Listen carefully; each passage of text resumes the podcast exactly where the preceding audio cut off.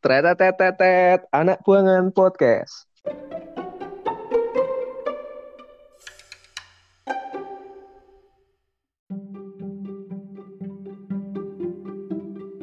Diam-diam malam ini Boleh. doakan kebaikan Boleh. untuk saudara kamu. Karena jika melakukannya, ada malaikat yang mengaminkan doamu kata engkau akan mendapatkan yang semisal dengan saudaramu tadi.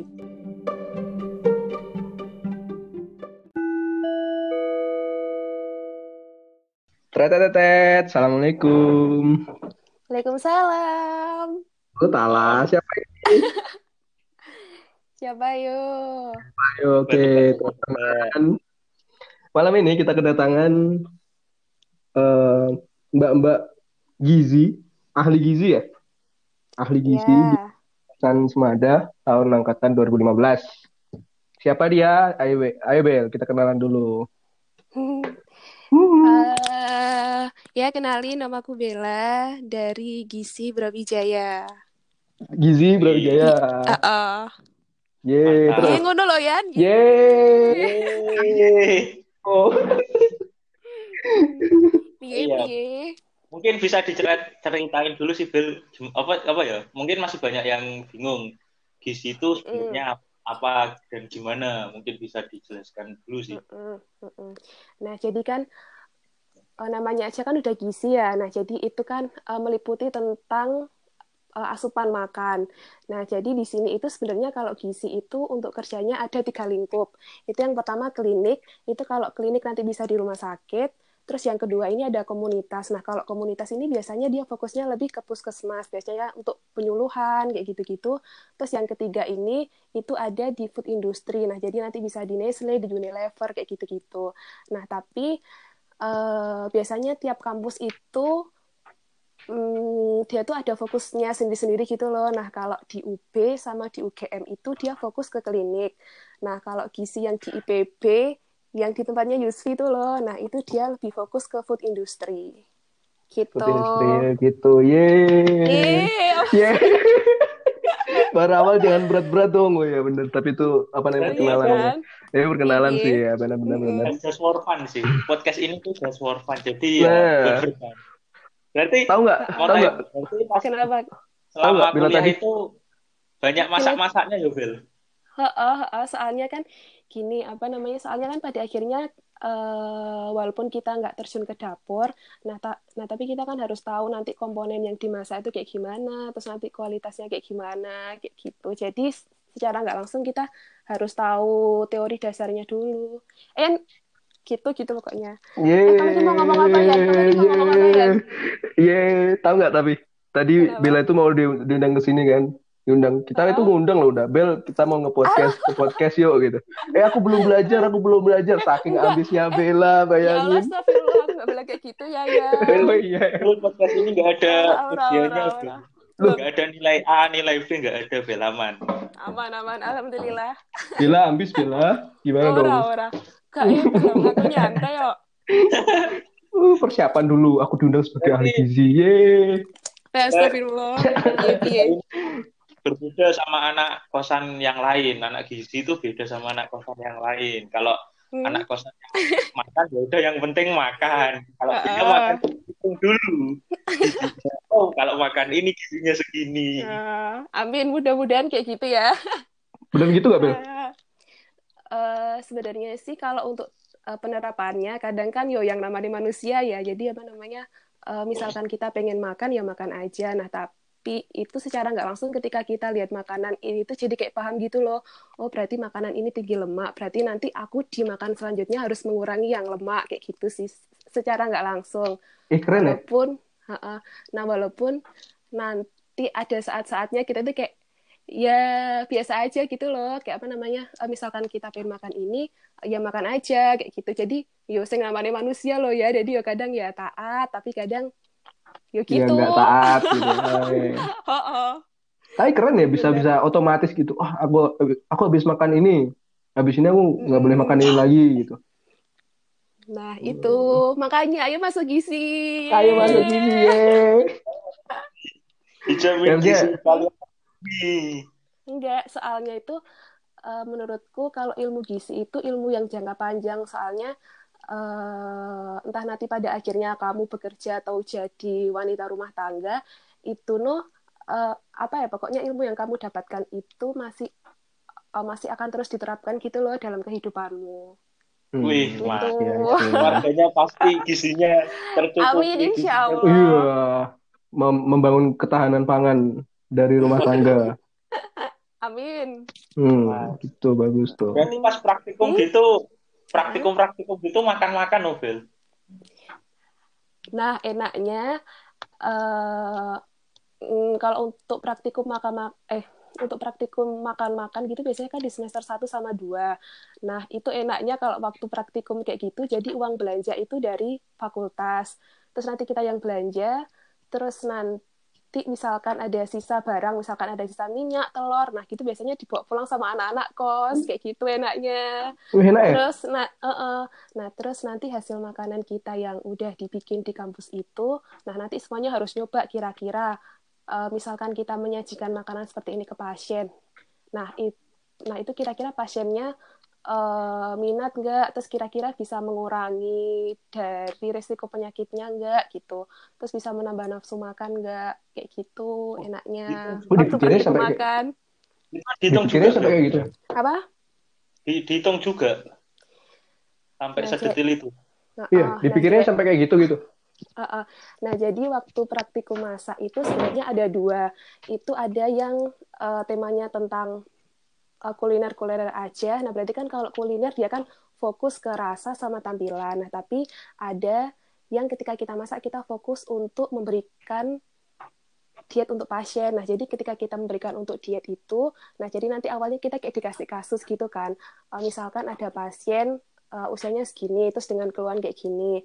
Nah, terus nanti kira-kira diet seperti apa? Nah, terus nanti kita ngitung, terus kita ngerancang misalkan uh, menu makan paginya kayak gini, nasinya 100 gram misalkan, nah kayak gitu. Nah, terus nanti kita uh, realisasikan di waktu memasak itu kayak apa namanya misalkan menu pagi hari kita mau, mau bikin capcay nah berarti ya kita realisasikan di situ Uh, mantap aku. Itu.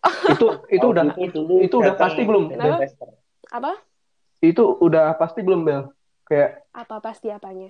Kayak misalnya orang ini ternyata misalnya yang paling santai jangan orang sakit ya, orang nge-gym aja. Orang nge-gym kan butuh protein yang lebih nih misalnya. Iya. Butuh protein yang, yang lebih. BCA apa tuh? Apa? BCA atau apa? Uh, eh, BCAA itu biasanya protein yang dibutuhkan untuk orang-orang yang suka nge-gym kayak gitu. Oh, terus. Biasanya nah. untuk pembentukan otot kayak gitu-gitu. Hmm, nah, misalnya kayak gitu. Itu hitunganmu itu mesti bener atau hanya kira-kira oh kira-kira segini nih kalau misalnya butuh 100 mil, 100 gram, 100 miligram, 100 apa ya? 100 gram protein nih misalnya. Mm. Untuk meningkatkan masa lemak eh masa masa otot dalam satu minggu, mm. total itu harus misalnya berapa gram protein gitu yang harus dimakan. Mm. Itu bisa dihitung benar-benar dihitung presisi nggak sih, Bro? Kayak gitu. Nah, jadi apa namanya sebenarnya waktu kita ngehitung tentang kebutuhan tiap orang itu uh, sebenarnya lebih akurat uh, sebenarnya lebih akurat kalau kita melakukan konseling ke tiap orang. Nah, jadi apa namanya? Jadi nanti ketika kita bikin diet itu kita menyesuaikan sama umurnya dia berapa. Terus habis itu tinggi badannya berapa, berat badannya berapa, atau sama aktivitasnya dia itu berat, sedang atau ringan terus nanti sama disesuaikan sama kebiasaan makannya dia kayak gitu. Nah jadi uh, misalkan kamu datang ke konsul ahli gizi gitu ya, nah hmm. itu insya Allah 100% akurat. Nah soalnya ketika konseling berarti kan uh, face to face kan, terus habis itu bener-bener ditanyain uh, detail-detail yang tadi aku sebutin. Nah jadi insya Allah akurat kalau yang konseling. Nah tapi kalau penyediaan makanan untuk orang banyak misalkan misalkan penyediaan makanan untuk jamaah haji. Nah, itu biasanya kita compare kayak eh, rata-rata kebutuhan dari orang-orang yang ada di kelompok itu berapa kayak gitu. Nah, jadi bedanya Keren. beda ketika menyajikan makanan untuk satu orang ketika konseling sama menyediakan makanan untuk banyak orang. Ya, keren keren keren. Gitu. AKG gitu ya, kecukupan Iya, iya. Uh, uh, uh, kan apa namanya sebenarnya kan angka kecukupan gizi tiap orang kan beda-beda. Nah, nah biasanya itu disuain sama umur kayak gitu-gitu. Nah, kenapa namanya seingatku ya, uh, mumpung lagi ingat, ini kalau AKG kita ikut umur piro sih? 22. 20-an. Oh, iya, 30 gak apa-apa, Bel. Nah, 22. 30-an itu 20-an. Yo yo. Nah, pokoknya ini kalau rentang umur 19 sampai 2 19 sampai di bawah 30 itu dia kebutuhan energinya kurang lebih 2700-an kayak gitu. 2700 ya? Bukan 2000. Ah, ah. enggak 2700.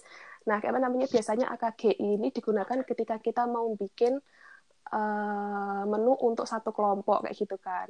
Nah, jadi apa namanya? eh, di rata-rata aja, oh berarti nanti aku mau bikin menu dalam sehari sebesar 2700. Hmm. Gitu. Kayak di Ngerti ciki-ciki ya? Iya. Kayak di ciki-ciki tuh ya, Bang? Iya, Nah, dijajan dari itu. ciki, dan roti ada AKG-nya. Oh, Nah, Mm. itu. Heeh. Nah, jadi apa namanya sebenarnya i- apa ya sebenarnya AKG itu dicantumin dalam yang tabel belakang makanan itu loh. Nah, jadi apa namanya soalnya di tabel itu kan ada tulisannya kan eh, misalkan dalam satu ciki itu energinya 300 misalkan 300 kilokalori. Nah, terus di bawahnya itu biasanya kan ada tulisannya AKG 2000 berapa gitu kan. Nah, apa namanya? Nah, berarti kira-kira kita bisa ngitung oh berarti dari kecukupanku sehari yang sebesar 2000 berarti aku udah tercukupi 300 dari ciki itu kayak gitu. Nah, makanya kita jangan makanya kita jangan banyak-banyak makan ciki soalnya kan eh, secara nggak langsung itu energinya kan eh, yang masuk ke tubuh kita banyak tapi kitanya belum kenyang. Paham nggak? Oh iya paham. Ah, ah, nah, kayak gitu.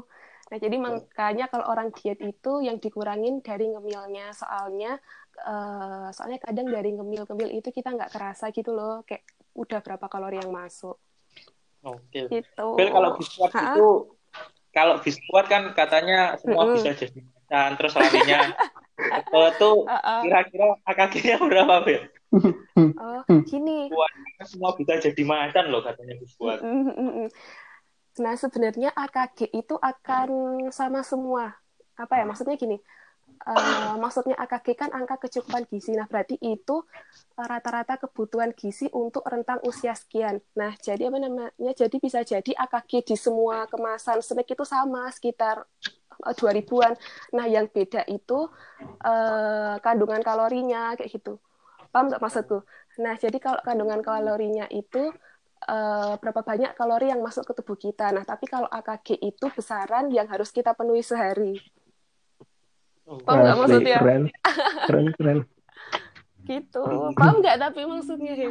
Paham. Oh iya iya. Gitu. Buka wawasan baru para pendengar-pendengar podcast ini. Amin. Sobat KKY. Oh, Amin. oke oke oke. Eh, Bella, kamu tuh kamu tuh lulus berapa tahun deh? Nah, jadi eh lucunya kalau di gizi UB eh, kita tuh lulus tuh harus bareng-bareng gitu loh. Nah, apa namanya soalnya nanti langsung digabung jadi satu gitu. Nah, tapi alhamdulillahnya dulu aku sidang itu tiga setengah tahun. Jadi aku Hmm. sidang eh, eh, eh, jadi aku sidang keempat seangkatan kalau nggak salah. Keren kan? Yeay, keren kan? Nah, bilang nggak salah ini podcast podcast anak buangan ini langsung mendatangkan Alah. langsung Mendatangkan kemarin Ajeng sidang pertama. iya, Ajeng. hmm, sekarang Bella Orang bila, wah Lulus tiga- loh. lulus tiga Beda setengah tahun. Coba. Sama kamu mul, kamu gizi gak Ah. diperhatikan. Kenyang mul, Ya beda pak, beda pak. Yang penting kenyang pak. makan kenyang, Tidur tidak nyaman. tahu. Makan kenyang, makan kenyang, tidur nyaman gitu. Nah, iki Oh iya. Eh lah, iki kalian berarti besok wis libur ya? Besok Aku libur. besok, aku besok kerja. Eh enggak deh, aku mah tahun ba- lebarannya kerja aku. Punya aku kan shift, jadinya kerja pas waktunya lebaran. Tapi untungnya WFH sih, jadinya nggak kerasa nggak kerasa kerja. Ya WFH aja, Oh. WFH work from far from home. Oh, berarti nggak pernah ngantor gitu itu. Berarti dari kos-kosan aja. Dari kos-kosan saja. Oh, oke oke oke oke. Satu Eh, minggu ya, cuma sekali paling di kantor. Iya toh.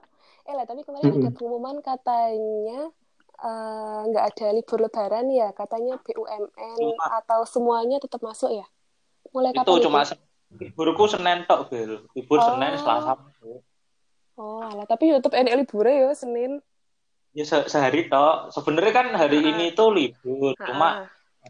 cuman mendadak jadi ya Jumat masuk. Oh, alah. Hmm. Senin libur masuk. Yes, enjoy aja. Enjoy aja. Iya, enjoy kan dek tual toh, Det. Nek tua Iya. Mas, ya. Alam-alam. Iya, alam-alam. Alam-alam. Bella mau nyusulin ketua ya. Apa? Bella mau nyusulin Masih ketua. banyak. Iya. Iya no, hashtag ayo ketua. Tak bikinin kok, Det. ketua. Nah, Ayo ketua bikinin. untuk Indonesia. Ah, ah, piye piye? Eh Bella, Iya. berarti gizi itu cakupannya luas banget ya Bel? Hmm, insya Allah sih. Soalnya tapi menurutku semua ilmu kalau dikembangin juga luas sih. Karena kan antara satu ilmu sama sama ilmu yang lainnya kan eh, berkesinambungan kan. Jadi yo, Hmm. menurutku semua ilmu itu luas kalau kita kalau kita belajar terus menerus gitu. Gila, gila. Bahasanya tiga setengah tahun tuh berkesinambungan ya? Halo, halo, apa sih? Eh, aku salah ngomong ini, ini gak pena aku. Eh, walau ya bahasa aku. Itu bila kalau dulu SMA?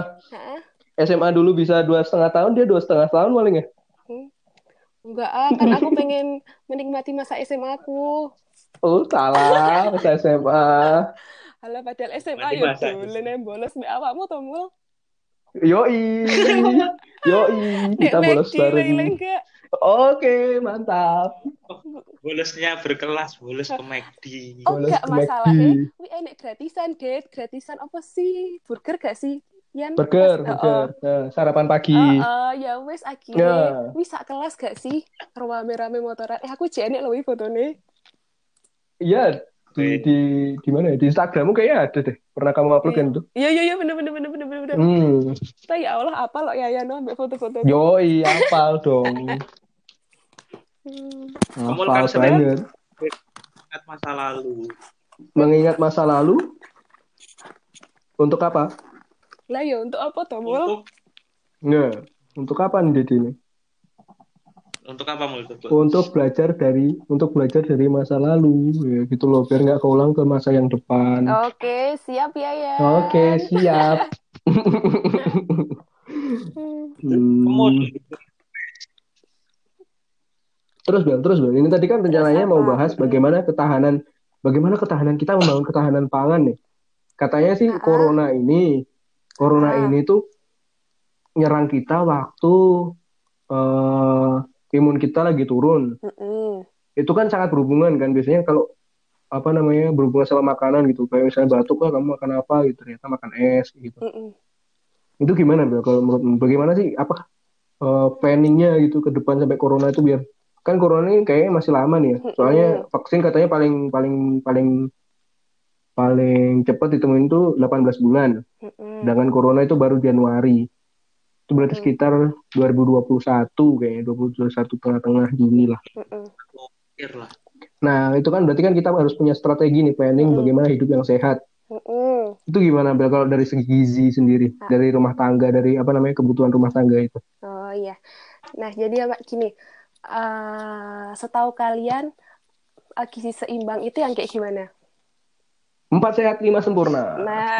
Lima sempurna. Nah, jadi sebenarnya gini teman-teman, kalau empat sehat lima sempurna itu udah nggak ada karena dia itu nggak mencakup semua. Jadi sekarang udah dikembangin sebenarnya sebenarnya udah dari sebenarnya udah dari 2000 berapa gitu loh. Ya, Jadi empat sehat lima sempurna itu disempurnakan lagi. Jadi tumpeng gizi seimbang kayak gitu. Nah soalnya kan kalau empat sehat lima sempurna dia kan hanya mencakup te- tentang makanan aja. Nah kalau tumpeng gizi seimbang dia ini ada aktivitas fisiknya.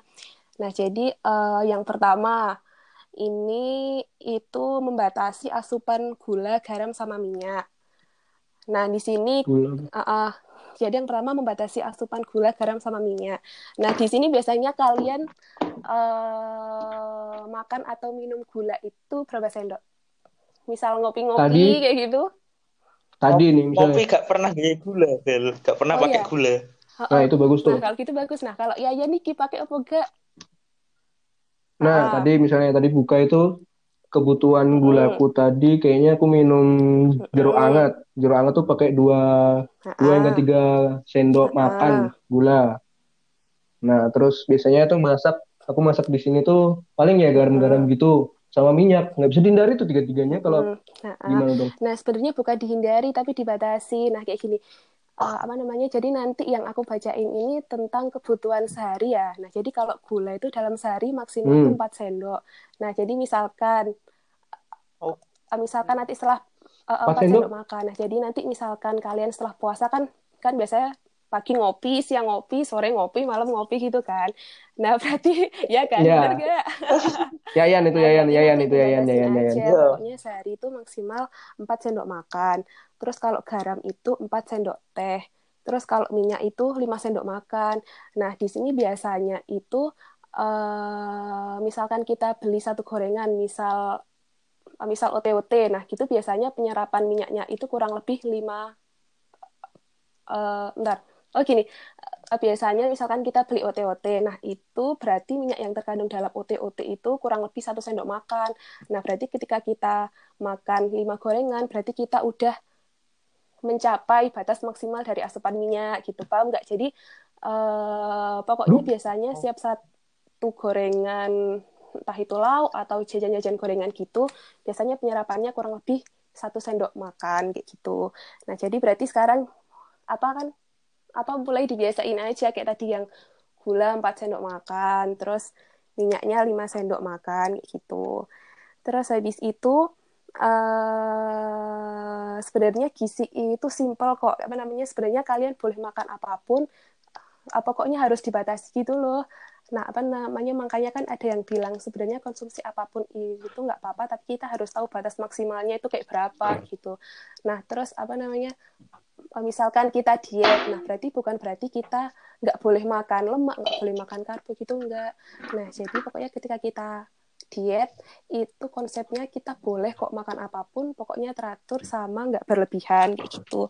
Terus sama nasi sih ya biasa 3 sampai 4 porsi, terus sama sayuran eh, sama. Nah pokoknya di sini tiap kali makan tuh harus ada nasi, sayur, lauk yang sama lauk yang mengandung protein kayak gitu. Nah, terus nanti ditambah sama minum air putih 4 gelas eh 4 gelas. Minum air putih 8 gelas sehari.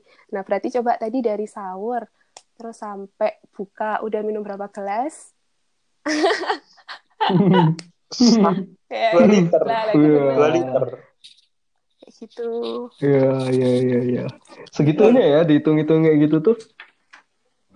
Sumpah baru tahu loh aku. Tips baru, tips Iya, baru untuk sehat. Berarti Bel, misalkan aku Nah, mau goreng lauk, berarti bisa no minyaknya tak taruh sendok, tak hitungi satu, dua, tiga, empat, lima gitu bisa kah? eh, sebenarnya ya nggak harus kayak gitu kok. Nah, pokok apa ya? Nah, Pokok eh, gimana, masalahnya mungkin kayak gitu bisa kita terapkan kit- ketika kita goreng sendiri. Nah, tapi kalau kita belinya di luar kan kita nggak apa ya, nggak eh, Nggak bisa nggak tahu. mungkin semena-mena sama yang goreng, bu harus 5 sendok gitu kan enggak kan. Nah, berarti pokoknya konsepnya gini aja ketika kita makan satu gorengan, nah berarti kita udah menghabiskan jatah satu sendok makan gitu. Berarti kita tinggal makan gorengan itu jatahnya empat. Nah, berarti misalkan kan misalkan kita sehari makan tiga kali. It- itu tiap makan ada tempe goreng, ada tahu goreng, ada ayam goreng. Nah, berarti jatah kita ngemil goreng-gorengan itu tinggal dua kali. Misal misal goreng satu, ya sama tahu isi satu kayak gitu. Simpelnya kayak gitu sih. Pokoknya lima macam gorengan. Itu selebihnya. Oke. Waduh, waduh, waduh, waduh. Gitu. Berarti over gorengan selama ini. Alah kan nggak ah, Dibatasi gitu ya Bel Eh, harusnya. Bel, Di- dibatasi gitu ya harusnya. kalau kalau apa Dit? terus mak- apa ya kayak Ah. makan mie dengan nasi itu kan Ah. karbo plus karbo apalagi terus tambah telur nah Ah. itu gimana Ah. Ber Nah, Coba. itu sebelum aku jawab, itu kalau menurut uh, pendapat kalian uh, benar atau enggak makan mie sama nasi? Itu sama alasannya apa? Wah, Indonesia banget. Indonesia banget harus wajib itu Bel. Ah. Makan mie pakai nasi. Nah, itu menurutmu benar, salah atau boleh lah? Komplit tuh. Iya. Hmm. Paket komplit. Nah, Nah, jadi sebenarnya gini, uh, makan uh, sebenarnya kan apa ya? Sebenarnya macam-macam karbohidrat kan banyak. Ada mie, ada roti, ada nasi, ada gandum dan lain-lain kan. Nah, berarti ketika kita makan mie sama nasi, berarti kita cuma mencukupi asupan karbo aja. Nah, terus uh, kebutuhan protein kita, kebutuhan lemak kita, terus kebutuhan sayur-sayuran kita dari mana? Kalau misalkan kita karbo aja kayak gitu. Nah, berarti nanti gini, uh, misalkan makan mie harus sama nasi. Nah, berarti ya harus uh, setengah porsi nasi sama setengah porsi mie. Nah, yang pada akhirnya kalau disatuin dia jadi satu porsi, paham nggak maksudku? Nah, kayak Hmm, gitu. paham, paham, Nah, terus nanti misalkan mau ditambah sayur-sayuran, ini itu tapi kayaknya nggak nyambung ya kalau mie sayur-sayuran. Nah, berarti ya dilengkapi. Nyambung, nyambung. Oh iya iya, oh iya sapi. Nah, tapi di sini kan eh tiap kali kita makan itu kan harus kurang lebih 50 gram kan sawi. Nah, berarti kan eh, misalkan kalau eh, misalkan makan mie sama nasi terus ditambah sawi kayaknya kurang kan. Nah, berarti kita harus nambah misalkan kita beli buah-buahan, pepaya atau beli jus kayak gitu. Terus nanti proteinnya kan belum dapat. Nah, berarti ya kita tambahin misalkan dari susu atau misalkan masak tempe atau Telur. telur. Iya kan bener kan biasanya kan mie, telur, mie, telur, Mie, telur. nasi. Ya wis kan cocok berarti kan wis komplit kayak gitu. Nah, sebenarnya sesimpel Hmm. itu kok, cuman kadang iku nu kayak eh, dibikin ribet aja gitu loh sama persepsi masyarakat. Padahal eh, misalkan kita mau hidup sehat dengan harga yang terjangkau tuh bisa. Oh bisa, nggak Enggak mesti mahal. Kayak gitu. Anak kos, anak kos, dengarkan podcast itu ada tipsnya dari Nah, Bila. gitu, diterapin teman-teman. Nah, ye, langsung dari ahli gizi. Langsung ahli gizi loh. Nah, Ya, kuliah tiga setengah tahun. alah, alah. Kurang ngeri gimana? Nah. Terus pi. Kalau masalah kayak apa ya, Mm-mm. stunting terus itu sebenarnya ada apa ya kayak pengaruh makanan Mm-mm. kan pasti ada. Nah itu gimana sih Nah, masalah jadi itu? ini sebenarnya eh, ini cocok buat cewek-cewek sih. Nah, jadi sebenarnya apa yang kita makan itu berpengaruh sama apa ya berpengaruh sama nanti terbentuknya janin kayak gitu kan. Nah, apa namanya? Jadi eh, pernah dengar nggak tentang seribu hari pertama kehidupan?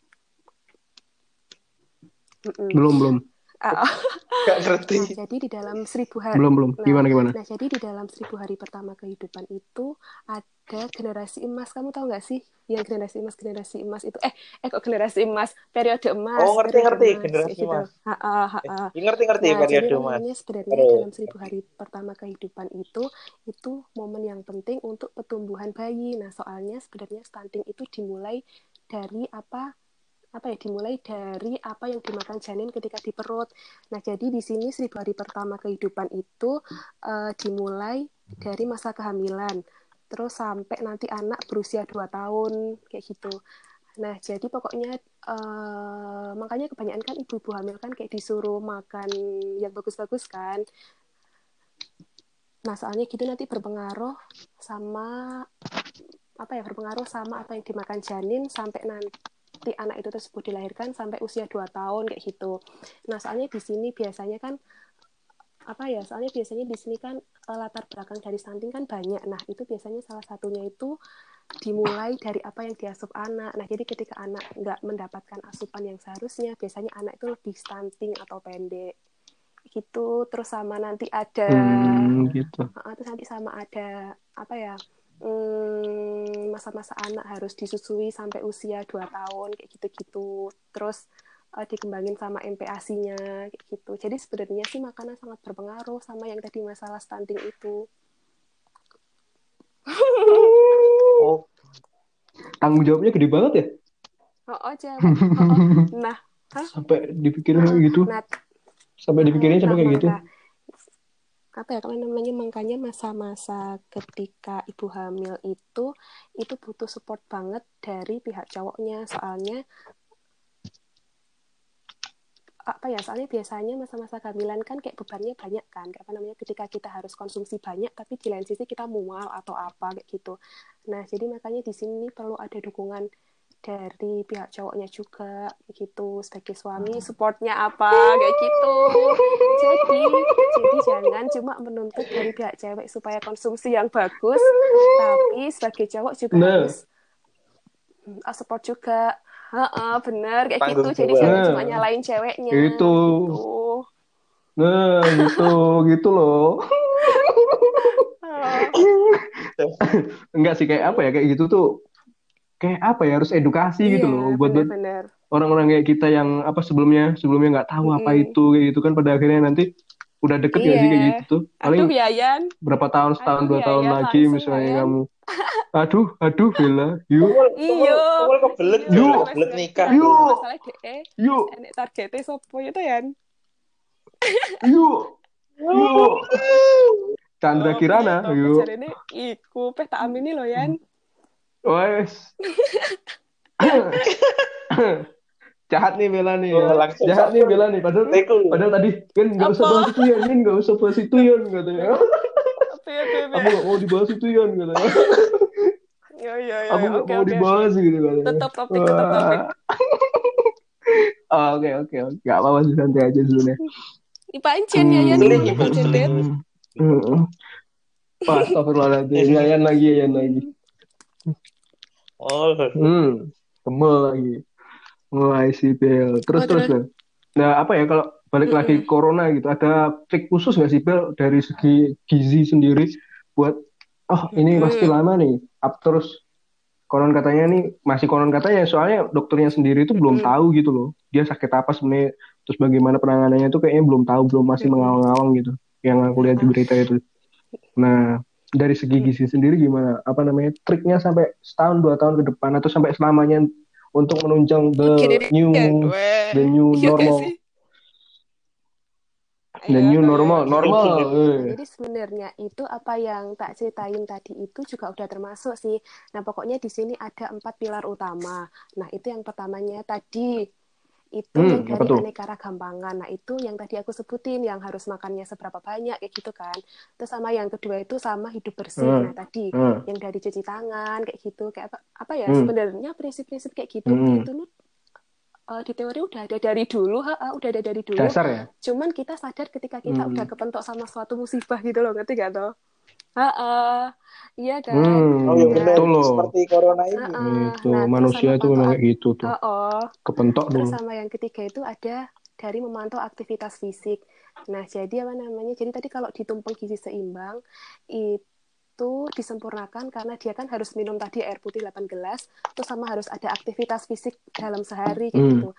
Nah, tapi di sini itu dikatakan aktivitas Hmm. fisik itu uh, bukan harus yang berat-berat kok, bukan harus yang kayak nge-gym terus harus lari-lari sepak bola gitu enggak. Nah, sebenarnya aktivitas fisik di sini kan ada yang ringan, sedang sama berat.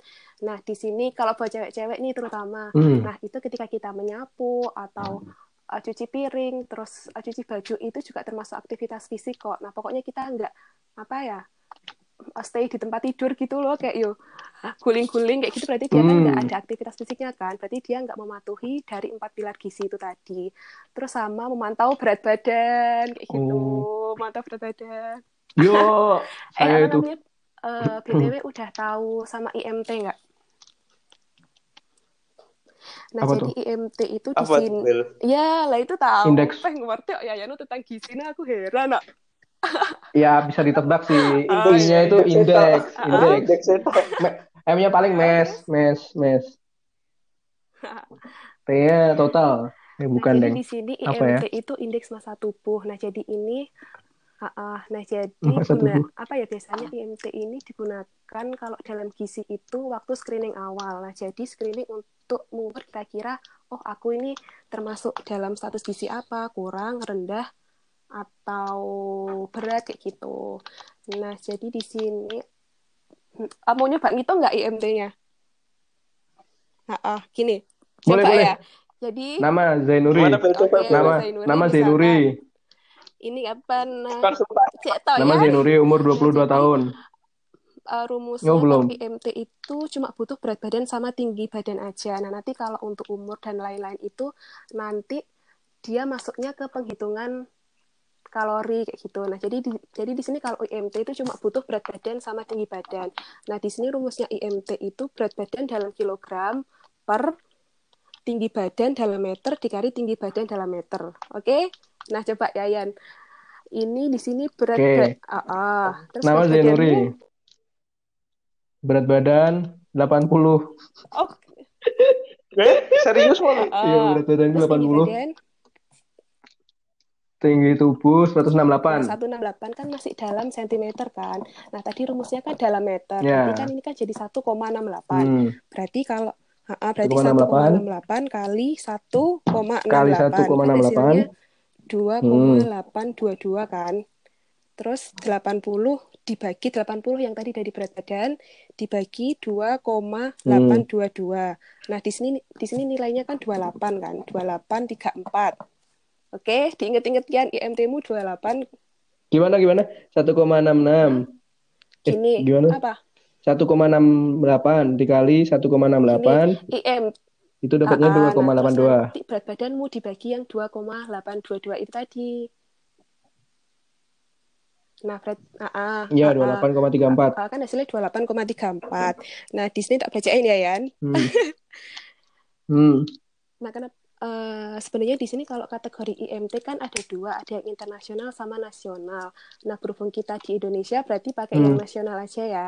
Nah, di sini kalau iya apa namanya Oke. di sini kalau kurang dari 17 berarti dia itu sangat kurus. Terus kalau 17 Hmm. sampai 18,5 dia kurus. Nah, di sini normalnya Hmm. 18,5 sampai 25 itu normal. Nah, di sini terus Terus, terus. itu kalau kategori gemuk itu dia 28 Hmm. sampai 27. Terus kalau obes dia itu Hmm. di atas 27 gitu. Nah, eh, itu dulu Oh, oh. Oh, Tapi nggak apa-apa sih Yan menurut oke, oke. apa ya kayak apa nam- eh, yang namanya orang kan eh, belajar kan. Nah, jadi yo berhubung kamu wes tahu ini, nah berarti kan kamu ngerti apa yang harus mau lakuin ke depannya ketika pengen diet atau apa.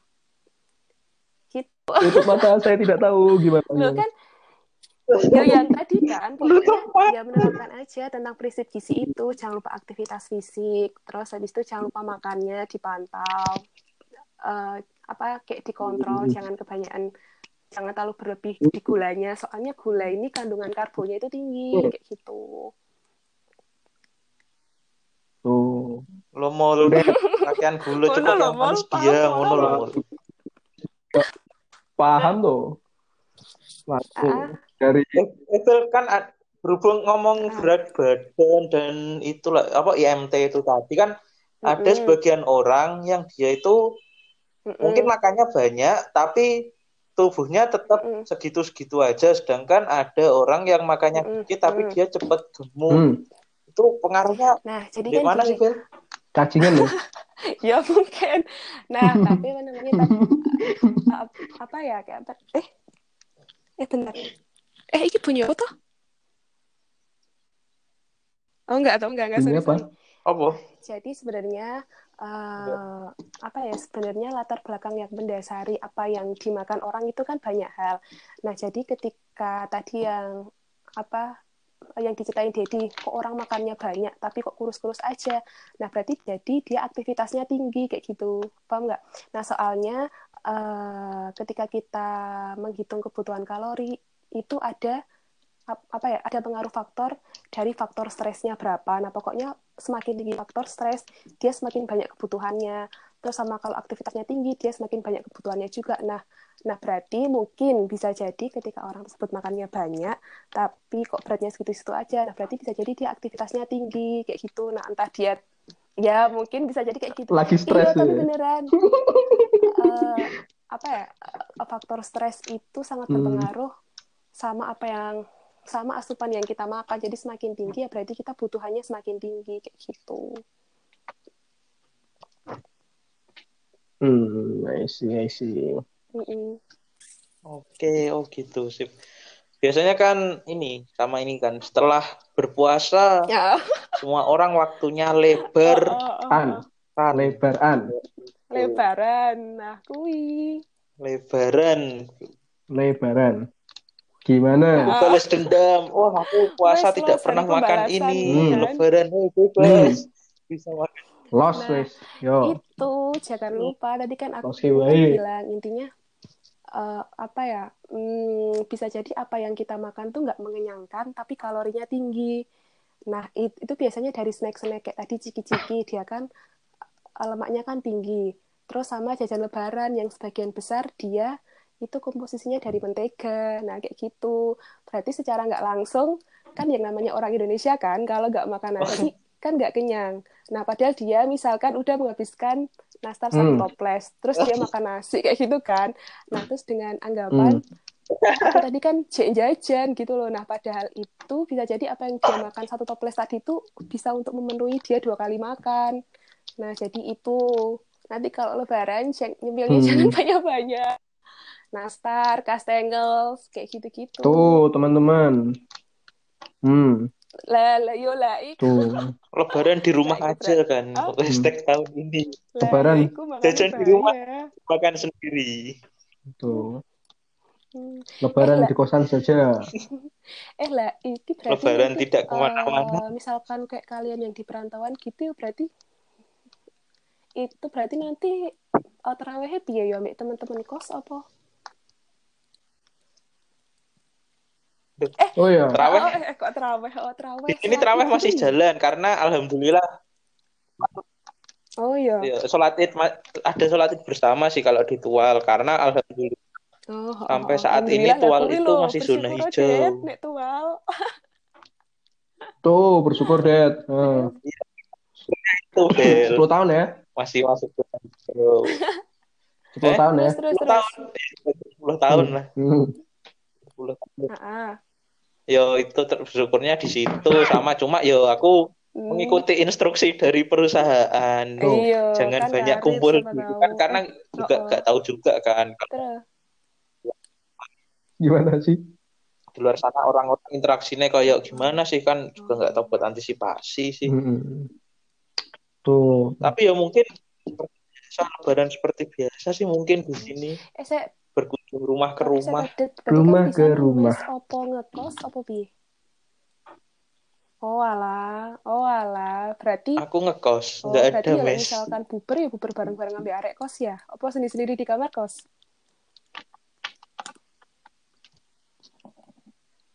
ngekosku kebetulan aku kosku apa ya ke- karena aku masih Oh, siap. belum ada pasangan Nah. kan kebanyakan yang lain Iya, itu Nah. iya, promote nih, terus. Promote nih, Bel. Promote nih. bubernya buber Promote nih. Oh alah.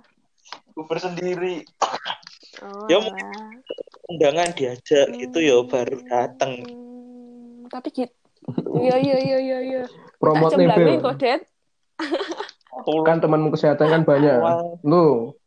aduh aduh aduh Hah, piye, piye? eh Bel tapi ada satu fakta unik ya kayak apa ya, kayak hasil risetku saja tahu mbah aku sing ngalam- pernah ngalam orang-orang mungkin juga pernah mengalami. Biasanya kan setelah makan itu ngantuk kayak gitu apakah? Ah, ah. benar Bel. Setelah makan kan biasanya Itu ngantuk. Nggak riset, Dedi. enak tuh. Emang gitu. Eh, hmm, sebenarnya jujur kalau yang kayak tentang tentang kayak gitu dulu kayak eh aku kurang paham. Nah tapi apa ya kayak eh, tapi menurutku tambah kebalikan deh. Jadi apa namanya ketika kita ngantuk berarti kita butuh asupan karbo. Nah tapi kalau pas kita ngasup karbo terus kita tambah ngantuk, nah itu aku sing bingung deh. Aku belum tahu jujur kalau itu.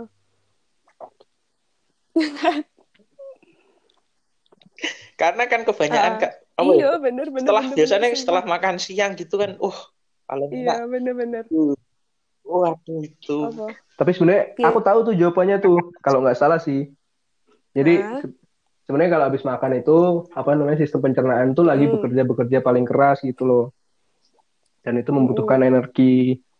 Entah ya, pokoknya habis itu itu tuh alasan nggak boleh ngerokok 20 menit Mm-mm. 20 menit setelah makan. Nah, itu dengerin Tuh, tuh. kalau buat perokok tuh. karena pada saat itu sistem sistem sistem pencernaan kita tuh lagi membutuhkan energi buat Hmm. mencerna makanan yang itu tadi. Jadi kebanyakan orang-orang itu apa namanya rasanya ngantuk gitu karena udah payah dalam Wih, keren ya pencernaan ya. itu. Katanya sih gitu. Hmm, nggak tahu ya kalau sesat. Pemuda sesat. Hmm, tapi sih bisa jadi kayak gitu juga sih, Yan. Jadi yo. Yo mungkin bisa jadi kayak gitu. Hmm. Apa? Hmm, oke, oke. Mm-mm. Eh Bella, sebenarnya aku penasaran juga nih. Yang tentang kegiatanmu waktu apa namanya? Kayaknya kamu sering ke desa-desa gitu ya, sosialisasi apa kayak gitu. Nah, jadi Itu tadi yang di aku tuh? sebutin kan, kalau gizi kan ada tiga lingkup kan, yang di klinik, komunitas, sama di industri. Nah, berarti ketika aku ke desa-desa, berarti aku masuk Industri. ke yang mana? Ke yang komunitas kan. Nah, kayak gitu. Nah, berarti apa namanya? Berarti eh, yang waktu aku ke desa, kalau hmm, kalau ke desanya yang tahun lalu itu buat magang ini tuh di puskesmas. Nah, tapi kalau yang bentar, ah, ini kamu tanya sing barusan apa sing dulu? Oh iya. Nah, Semuanya, apa namanya, kalau yang ceritain. dulu itu kayak semacam magang gitu loh. Nah, jadi kan apa namanya kalau yang di klinik dulu kan dapat RSUD Sidoarjo. Nah, kalau yang di komunitas ini di, di Puskesmas Paga kayak gitu. Nah, terus habis itu eh, itu yang tahun lalu. Nah, terus kalau yang akhir-akhir Desember ini itu lagi ikut riset sama NGO. Itu tentang itu tentang balita stunting di Desa Pujon sama Ngantang. Gitu. Hmm. Tapi ya, Be. Terus Iya, hasilnya? iya, Enaknya di komunitas bener, itu ini, bener. Bel. Bisa dapat makan sama- gratis dari warga. apa ya menurutku kalau di komunitas itu kita nggak cuma belajar tentang teori tapi kita kayak belajar pengalaman hidup ya gak sih kayak oh alah kayak apa ya Yeah. Ya, bener. Enggak lah, gini rasanya gitu. diajarin, oh ya berarti aku jadi manusia harus lebih banyak bersyukur sama apa yang aku punya gitu loh terus kayak apa ya terus kayak apa namanya ketika kita Hmm, I lihat see. kayak keluarga di desa terus kayak oh ternyata dengan sesederhana ini mereka lo bisa senang bisa bahagia. Nah terus itu, itu kayak berkaca sama diri sendiri gitu loh. Oh terus aku yang bisa jadi udah ada beberapa kecukupan kok masih kurang aja kayak gitu loh. Kayak apa ya kayak lebih banyak bersyukur gitu loh. Makanya kadang itu lo sukanya kalau di komunitas tuh kayak gitu kayak lebih belajar pengalaman hidup Nah, Apa? itu tuh, masya Setuju, Allah. Setuju. Karena Iya kan, kayak lebih Apa? gitu loh, kayak oh L juga seperti ya wes, kayak gitu kayak belajar hidup. Mm-mm, Hmm. mm. paling berkesan ya Iya, itu. Ayo, sama ikut kebiasaannya makan. orang-orang Hmm. desa tuh kayak Eh, apa ya, menyambut tamu dengan sepenuh hati dan dia selalu berusaha membantu sebisa mungkin gitu loh.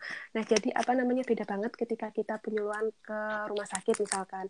Nah, itu yang notabene mungkin sebagian besar kayak, "Halah, Hmm. apa sih aku wis ngerti kayak gitu kan." Nah, tapi ketika kita kayak eh, di puskesmas dan apalagi kalau puskesmasnya kayak ke pelosok gitu pasti kan kayak, "Oh, alah Mbak, kita lo nggak pernah dapet kayak gini-gini." Dan itu kayak, "Oh, alah berarti aku lebih bermanfaat di sini, kayak lebih nyenengin gitu loh."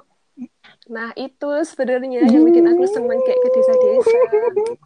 Nyapa toh ya? Hmm, ya sih ya. Dan ketika Enggak, selesai, enggak, apa ya? Beneran. ketika Kayak selesai pasti apa ya? ada warganya. kalau dari segi materi atau apa, mungkin gaji kayak dari puskesmas atau misalkan kita kerja di NGO yang kita terjun langsung ke masyarakat itu nggak seberapa besar.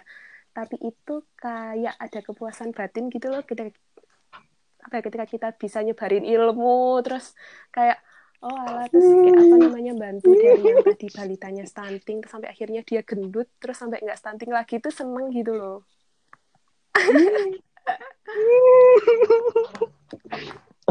benar banget Itu benar benar Hidup itu bukan Bener. soal materi, Mun. Tuh, tuh. Itu tuh yang nggak dirasain ini sekarang sih sebenarnya. iya bener. Hmm, kerja Bener. doang nggak dapet loh feel. Loh gitu nggak belum dapet tuh kadang nggak sih menurutku nggak enak sih entah kita udah kerja atau mungkin masih ada yang nunggu atau gimana itu loh kayak apa ya kayak ya dinikmatin aja apa yang ada sekarang kayak gitu loh. Nah soalnya bisa jadi ketika kamu bisa menggapai impianmu belum jadi kamu eh, bisa jadi kamu nggak bisa menikmati kayak gitu. Nah jadi Alhamdulillah. Uh, uh, kayak apa namanya Hmm, misal tuh teman-teman. misalkan Selalu yang lagi cari bersyukur. kerja atau gimana oh ya berarti itu uh, kalian lagi diberi kesempatan buat quality time sama keluarga sama teman-teman gitu jadi yo guys yo disyukuri aja dan pasti nanti bak apa ya bakal lebih bahagia gitu loh kalau lebih menjalani hidup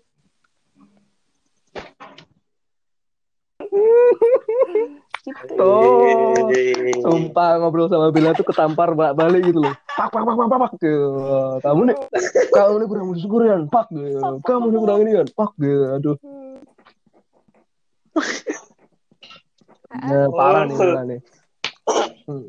Tapi selama apa ya praktek di di masyarakat kan di desa dan di kota Bel itu kan ini gak perbedaan misalnya dari segi makan atau segi segi apa ya segi pola konsumsi Ya, masyarakat itu perbedaannya Eh, sebenarnya berapa signifikan sih? tentang kayak persen-persennya jujur aku kurang tahu. Nah, itu uniknya kalau di desa itu eh, yang notabene padahal beras sendiri dia bisa menghasilkan kacang sendiri.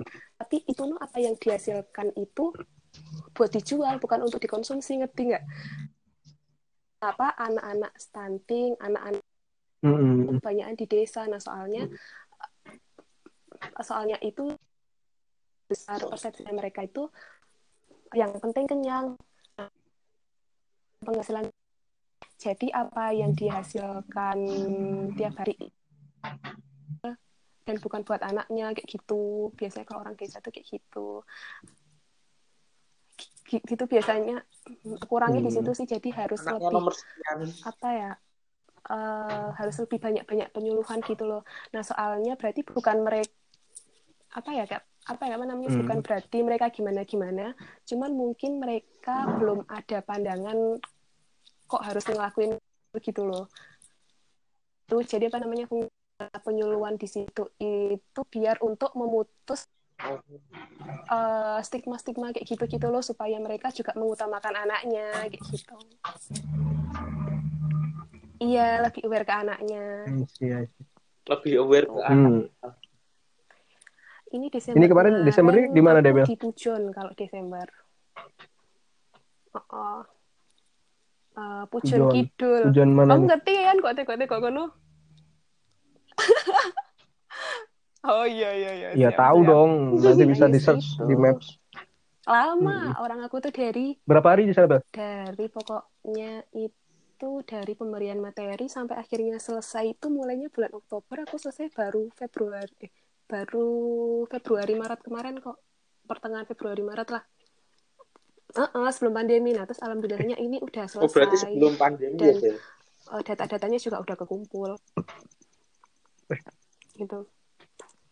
Nah kalau gitu yuk Kayak gitu tinggal di mana, Bel? apa ya? Ya pada koyo kita waktu KKN gitu loh. Jadi kayak nyewa rumahnya warga.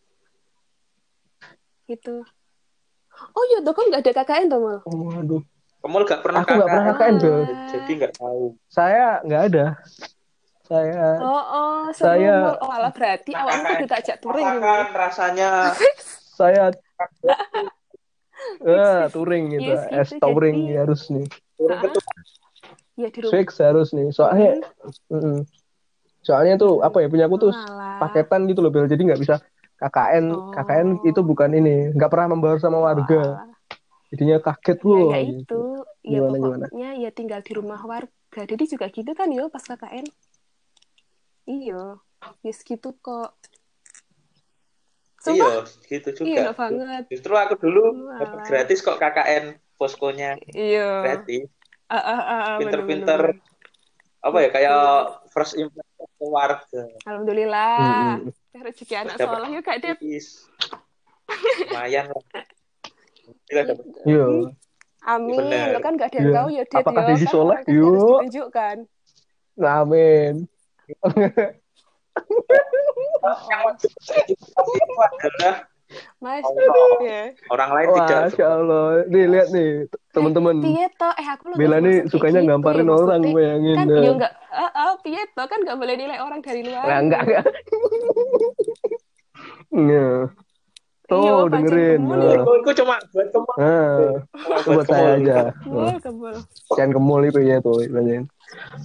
lama enam bulan oh jadi di sana lama, ya enam bulan berarti ya? Oktober sampai uh, Februari itu tiga bulan pertama itu di Ngantang. Oh. terus baru bulan selanjutnya itu di Pujon. Nah soalnya kita di sini kan apa ya kayak ngebandingin gitu loh. Intinya gimana pola konsumsi di pola konsumsi di dua kecamatan itu. Jadi apa ngambil perbandingannya di Sangantang sama di Sapujon. Hasilnya hmm. wah iku aku hasilnya?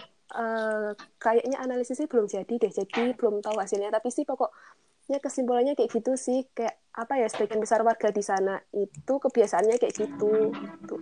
Nah tapi di sini itu uh, ada macam perbedaan. Soalnya yang di Ngantang dia kan deket sama apa ya deket sama sung eh nganu deket sama bendungan apa apa deket sama bendungan Sapi. ngefek ngefek jadi apa namanya pokok oh, efek. memang kalau yang di daerahnya dia uh, penghasil protein tinggi nah itu insya Allah anaknya dia juga konsumsinya tinggi proteinnya kayak gitu mm -mm. oh gitu mm -mm. gitu mul apa? Itu kemarin di apa apa apa Bel ininya proyeknya? Itu proyeknya Proyek NGO Seameo nya FKUI sama FKUB gini apa itu? Uh, NGO tahu. NGO nggak? Lah lah jelasin deh NGO itu apa? Enggak rasa tahu. Oh iya iya apa deh apa deh apa deh? Nah LSM, LSM. gitu loh. Nah gampangnya LSM lah LSM-nya di bawah FKUI nah namanya Seamio kayak gitu. Nah jadi apa namanya kayak apa ya kayak lagi ngadain riset antara Seamio kerjasama sama FKUB gitu loh. Nah itu terus dia uh, lokasinya di Kabupaten Malang. Mm -hmm. ya udah jadi ikut itu apa namanya jadi ikut riset itu. Mm. keren. Ngerti gak mau LSM mau LSM lembaga survei gitu, masyarakat masyarakat rumah masyarakat lah contoh gampangnya LSM apa sih singkatannya? Lembaga swadaya, oh, masyarakat. Iku bahasa Indonesia uh. nih. Bahasa Inggrisnya NGO, non governmental uh. organization. Oh, ya nah, bener itu NGO. I see, I see, I see. I see, I see. Keren ya Bel ya? Yo, Keren ya Bel ya? yo tapi yo menurutku apa ya? Keren apa ya? Ambola bingung aku lagi jelas nih ya. Ya gitulah. Pokoknya gitulah. Bingung aku lagi jelas nih bingung wah Bella ini apa namanya udah mengerti kesehatan jago mengelola yeah. keuangan. Yo. Idaman tapi gizi terjaga Yo, Udah, siap, siap, siap. Cari orang gizi. Okay, Nanti promotin Dedi. Tak boleh. Nih, Ded. Sebenarnya sih Tudet. Iya Yang teriak promote-promote itu justru sebenarnya dia yang sedang mencari-cari loh. Iya tuh. Agak. Ah. Pertanyaannya satu. Iya, memang sudah. Sudah ada. Pertanyaannya cuma Apa satu. Tuh? Iya, Yan. Belum. Iya, lah. Ini bener. Gelem pokoknya karo. Berjuang, Yan. Percuma percuma sudah, sudah ada, tapi kalau tidak mau, mau. Anu kan. Aduh.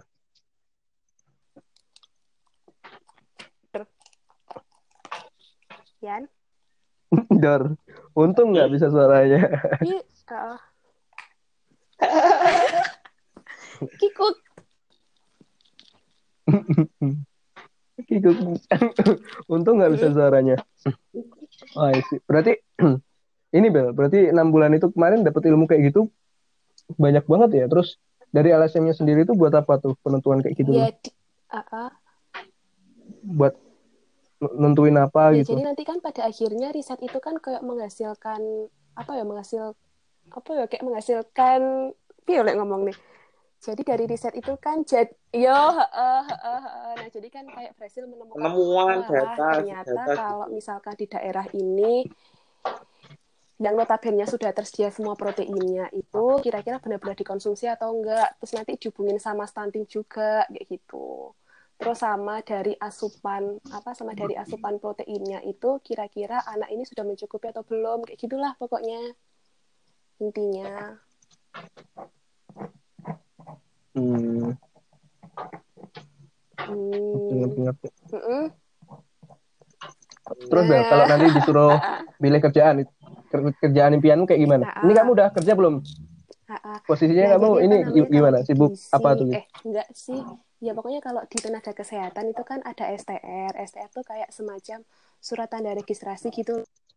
Nah, yang nanti ketika kita udah punya itu, kita baru bisa kerja di lingkungan rumah sakit. Nah, jadi apa namanya? Jadi kan karena kemarin aku lulus kan bulan Oktober. Nah, terus STR ku ini baru jadi bulan makanya daripada aku nunggu-nunggu sesuatu yang apa ya kayak apa namanya menunggu sesuatu yang aku nggak bisa lakuin nah makanya aku ikut yang proyek tadi yang proyek di Pucun itu jadi apa namanya apa ya kayak apa namanya kayak ikut ya riset yang kemarin itu selama enam bulan itu tapi karena udah selesai nah nah dan STR ku udah keluar. Nah ini lagi uh, ngeplay ngeplay. Jadi apa namanya baru bisa mulai ngeplay emang di bulan-bulan ini. Soalnya STR-nya baru keluar. Jadi doain yo. Ben cepet dapat kerja. Amin. Oh. amin. Ha ha. Amin. Eh tapi Bel Amin. tapi Bel Bukannya iya, kamu udah di situ lulus gitu kan sejak aku bilang Maret? kalau di gizi tuh harus lulus bareng-bareng. Nah, jadi itu loh. Oh, itu yang waktu aku Maret itu aku oh, yudisium ya nggak salah. Aku lupa lah. Nah, pokoknya jarak yudisium sama wisuda di UB kan lama banget kan. Nah, ya wis itu. Nah, jadi yo nungguin sama Hmm. peraturan-peraturan kayak gitu terus sama STR-nya kan baru keluar yang ini tadi kan yang bulan April nah jadi makanya eh, baru bisa ngeplay ngeplaynya juga ya Hmm. baru-baru ini Kayak gitu itu ya oke. Terus kerjaan impianmu Bel? Yang bisa hmm gitu loh. Yang kayak kamu kepuasan batin gitu. Nggak cuma dapat uangnya doang.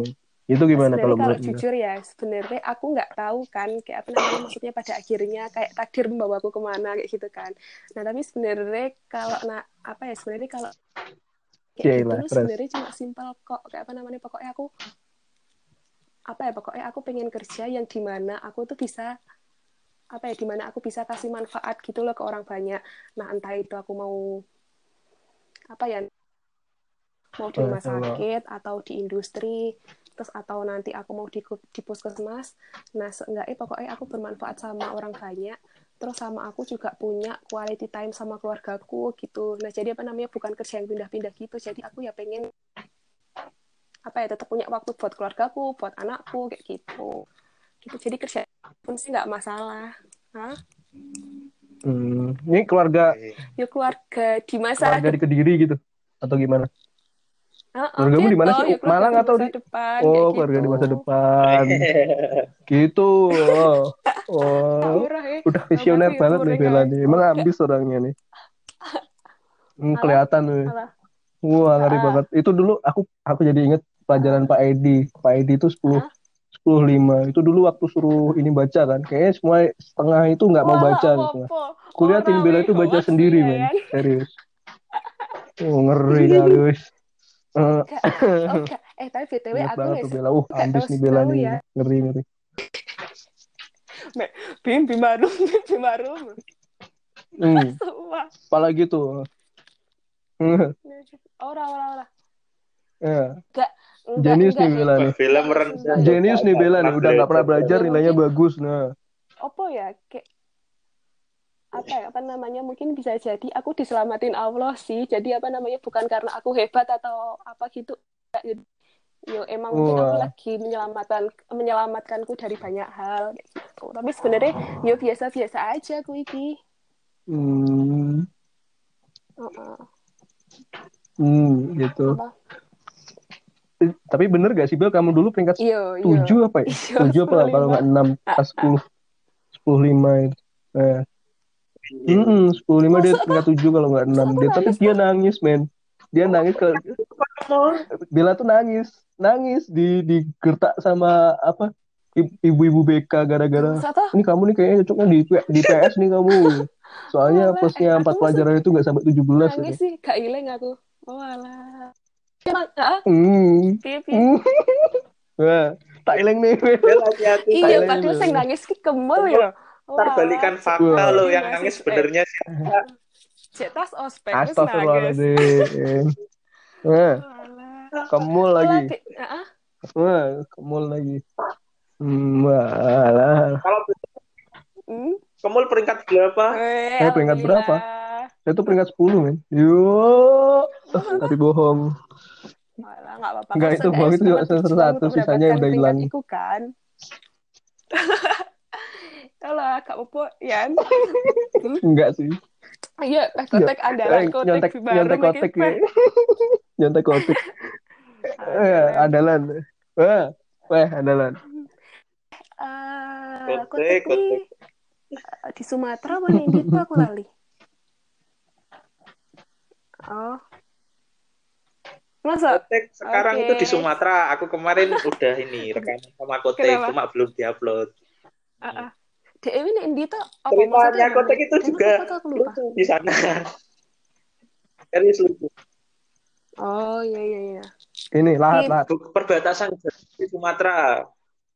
Bu Bayung ini apa apa ya itu nanti di podcast aja. Iya dah. Pokoknya banyak cerita okay, lucu. Okay, siap siap siap. Hmm. Serius. Tetapi ya gitulah. Oke. Okay. Oke, okay, siap mendengarkan. Tanggal uploadnya. Hmm. Hmm. Pendengar setia loh aku. Ya. Iya. Karena gak kerasa sih udah satu jam lebih. Cepet banget oh. podcast itu. Hmm. Apa? Ini Bela aja nih suruh nutup nih. Mana mall masih ada. Bela, Bela aja nih suruh nutup. Bela aja suruh nutup nih. Katakan Kan ini kan hari terakhir. Ya, hari terakhir. Untuk pendengar. Ah. Ini kayaknya malam 30 puasa ya. 30 hmm. puasa. Berarti kan besok udah terakhir puasa nih. Nih, apa namanya? Ucapin aja Bel, gimana apa namanya? Ucapan ucapanmu lah hmm. pada pendengar-pendengar sobat KKY. Ya? Eh salah. Sobat anak buangan. Gini. Buangers. Uh, quote aja ya. Apa? Bagus. Oke. Okay. Jadi diam-diam malam ini Boleh. doakan kebaikan Boleh. untuk saudara kamu. Karena jika melakukannya ada malaikat yang mengaminkan doamu berkata engkau akan mendapatkan yang semisal dengan saudaramu tadi. Paham gak? Amin. Ya udah dadah. Assalamualaikum. Amin. Dadah. Terima Amin. kasih Bella. Terima kasih Bel semoga. Lancar terus. Sukses selalu. Amin. Yo. Waalaikumsalam. Eh, Makasih Bella.